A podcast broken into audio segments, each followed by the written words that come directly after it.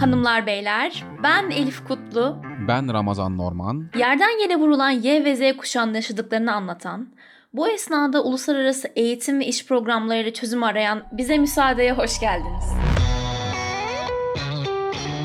Geçen bölümde kah Erasmus programından bahsetmiş, kah ne olacak bizim bu halimiz deyip hüzünlenmiştik. Bu bölümde ise güzel günlere giden yoldaki yeni durağımız Erasmus stajından bahsedeceğiz. Güzel günlere gider miyiz bilmem ama yurt dışında profesyonel hayata ilk adımın bu stajdan geçtiğini söylemek mümkün bence. Bu konuda çok haklısın. Daha önceden derinlemesine irdelediğimiz Erasmus programından farklı olarak burada sadece annelerinizin komşularını çatlatacağı bir not ortalaması ve dil bilgisi yeterli olmuyor. Nasıl yani? Ön koşul olarak bile mi? Maalesef öyle. Erasmus stajı yüksek öğretim kurumunda kayıtlı öğrencilerin yurt dışındaki bir işletme veya organizasyonda mesleki eğitim alma ya da çalışma deneyimi kazanma sürecine verilen isimdir. En kısa böyle özetleyebiliriz sanırım. Öğrenci programlı anlaşması olan herhangi bir Avrupa ülkesinde kendi alanında staj yapabilir. Şimdi iyi diyorsun, hoş diyorsun ama nasıl?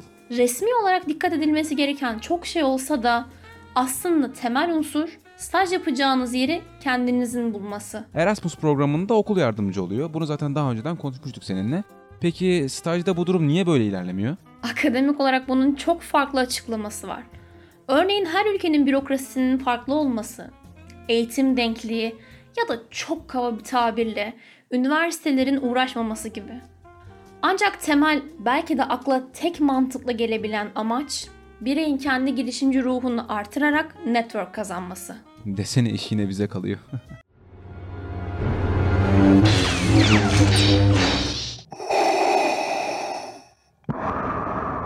Unutma. Güç içimizde.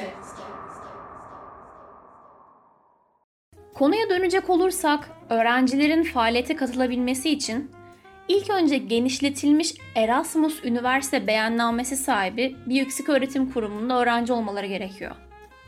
Yani sadece Erasmus programına kayıtlı bir üniversitede okuyor olmanız bunun için yeterli değil.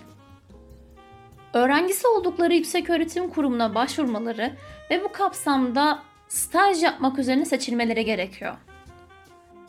Not ortalaması, dil yeterliliği gibi kriterleri karşıladıktan sonra seçilen öğrenciler lisans, yüksek lisans veya doktora öğrencisi ise 3 ila 12 ay arasında staj yapabiliyorlar. Buradaki güzel olan şey ise meslek yüksek okulu gibi kısa dönemli yüksek öğretim programları öğrencilerinin de bu programdan yararlanabilmesi. ama onların işi çalışacakları kurumu bulmuş olmalarına rağmen e, daha zor olmalı değil mi? Hmm. Resmi olarak karşımıza böyle bir şey çıkmasa da ayrılan kontenjanlar ve verilen hibelerin oranı bizimle gizlice konuşuyor. Burada da maddi bir yardımdan söz etmekte bir sakınca yok o zaman. Evet ama akmasa da damlayacak seviyede olduğunu söyleyebiliriz. Bazen birey bu kazanımı elde etmiş olsa da devlet tarafından yapılan maddi incelemeler sonucunda hibe alamayabilir. Burada bir tercih söz konusu. İsteyenler hibesiz Erasmus öğrencisi olmayı tercih ederek yoluna devam edebilirler. Zaten verilen mali destek öğrencilerin bütün masraflarını karşılamaktan ziyade ek masraflarına yardımcı olmayı hedefliyor. Şimdi bütün bölüm sonu canavarlarını yendik diyelim. Hangi kuruluşlar stajı ev sahipliği yapabiliyor? Ya aslında yurt dışında bu kurumlara sponsor diyorlar. Stajı ev sahipliği yapacak kuruluşlar, işletmeler, eğitim merkezleri, araştırma merkezleri ve işletme tanımına uyan diğer kuruluşlar olabilir. Bu çerçevede uygun bir işletmeden kastedilen büyüklüğü, yasal statüsü ve faaliyet gösterdiği ekonomik sektörler ne olursa olsun özel veya kamuya ait bütün kurum, kuruluşlarla alakasının olması gerekiyor. Yani anlayacağın Almanya'daki dayınızın bakkalında işletme stajı yapamıyorsun. Ayrıca siyaset bilimi okumuş olsanız dahi diplomatik temsilcilikler ve Avrupa Birliği kurumları bu faaliyeti ev sahipliği yapamıyor. Elif'cim kayıt dışında da konuşmuştuk bunu seninle. E, temelde aynı olsa da ülke ülke uygulanan prosedürlerde bir değişiklik gösterilebiliyor. Mesela İngiltere gibi. Bilmeyenler için örneğin İngiltere'de e, uluslararası bir yapay zeka şirketinde e, öğrenim görmek isteyen bir e, mühendislik fakültesi öğrencisisiniz diyelim. İngiliz hükümetinin bürokrasisinin katmanlı ve ağır işlediğini zaten herkes bilir. Çünkü ince eleyip sık dokudukları için süreç uzuyor. Eğer siz bu ülkede daha önceden hiçbir eğitim almadıysanız ya da pasaportunuzla vize almaya çalıştığınız ilk ulus İngiltere ise uzun bir süreç sizi bekliyor. İlk önce kendi ülkenizdeki bölüm sonu canavarlarını yendikten sonra LinkedIn ve Telegram gibi kanallar doğrultusunda bir ilana başvurdunuz ve mülakat zinciri sonrasında kabul aldınız. Ki eğer hibe dışında bir ücret talep etmediğinizi söylerseniz e, belki şansınız biraz daha yüksek. Yüksek Öğretim Kurulu'nun Erasmus Üniversite Beyannamesiyle oluşturulan konsorsiyum sayesinde AB Eğitim ve Gençlik Programları Merkezi'ne başvuru yaptıktan sonra hibe sürecine başlattınız. Sen anlatırken ben yoruldum. Dahası da mı var? Tabii ki daha sadece yarısına geldik. Hibe, kabul, red gibi süreçlerden sonra üniversitemizin bahsi geçen kurumu tanıması gerekiyor. E, tüm bunlar oldu ve artık son düzlüğe girerken karşınıza çıkan iki büyük engel var. Bir, vize.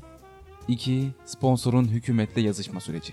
Sanırım bunun nedeni gayri resmi göç ve kendi vatandaşının istihdam hakkını korumak, değil mi? Kısaca öyle diyebiliriz ama e, diğer bir sebep ise hükümetin sponsorun size resmi bir iş teklifi yapmadığı takdirde ülkede kalmadan geri dönmenizi sağlamaktır. E, ama konsorsiyumları sayesinde vizenizi aldıktan sonra eğer çalışacağınız yer size kol kanat gererse işte o zaman bunca zahmete değen bir süreç başlıyor. Acaba nedir? Bir yıl ve üzeri çalışma izniyle birlikte gelen oturum izni. Küçük bir şey gibi görünse de Avrupa'nın kapılarını profesyonel anlamda zorlamak isteyenler adına güçlü bir hamle olacak. Ayrıca sonuçta öğrenci temelli olduğumuz için belirli Türk dernekleri ve İngiliz hükümeti kuruluşlarından hibe dışında destek İngiltere, Avrupa alınabiliyor. Birliği'nden ayrılmış olsa bile Avrupa kıtasındaki bir ülkede belirli bir süre yaşadığınız veya çalıştığınız takdirde başka ülkelerde deneyim kazanma şansınız artıyor. Her şeyin kelebek etkisiyle birbirine bağlandığını söyleyebiliriz. Peki bu etkiye dokunan başka bilmemiz gereken bir şey var mı?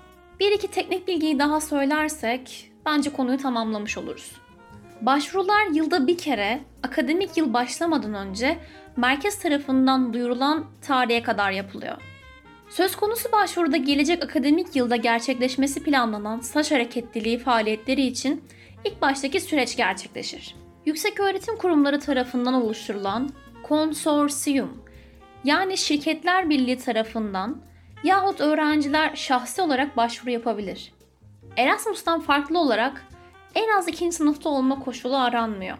Ancak tüm yüksek öğretim hayatı boyunca en fazla bir defa yararlanılabiliyor. Yani anlayacağın bir üniversite bir değişim programı hakkı. Burada pek çok kişinin yanlış bildiği şey ise mezun ve mezuniyet hakkını elde etmiş olan öğrencilerin programdan yararlanabileceğini düşünmesi. Eğer üniversiteyle akademik olarak ilişkiniz kesildiyse, sadece mezuniyet veya çıkış belgesi almaya kaldıysa iş, üzgünüm ama bu programdan yararlanamazsınız. Daha önceden de söylediğimiz gibi üniversitenizin kurumu tanıması yani resmi olarak kabul etmesi gerekse de gönderen yüksek öğretim kurumu ile ev sahibi işletme arasında ikili bir anlaşma gerekli değildir.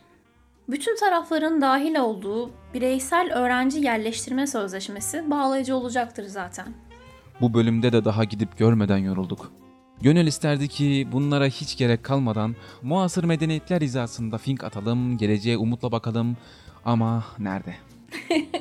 O zaman o güzel günleri göreceğimizin ümidiyle şimdilik bize müsaade.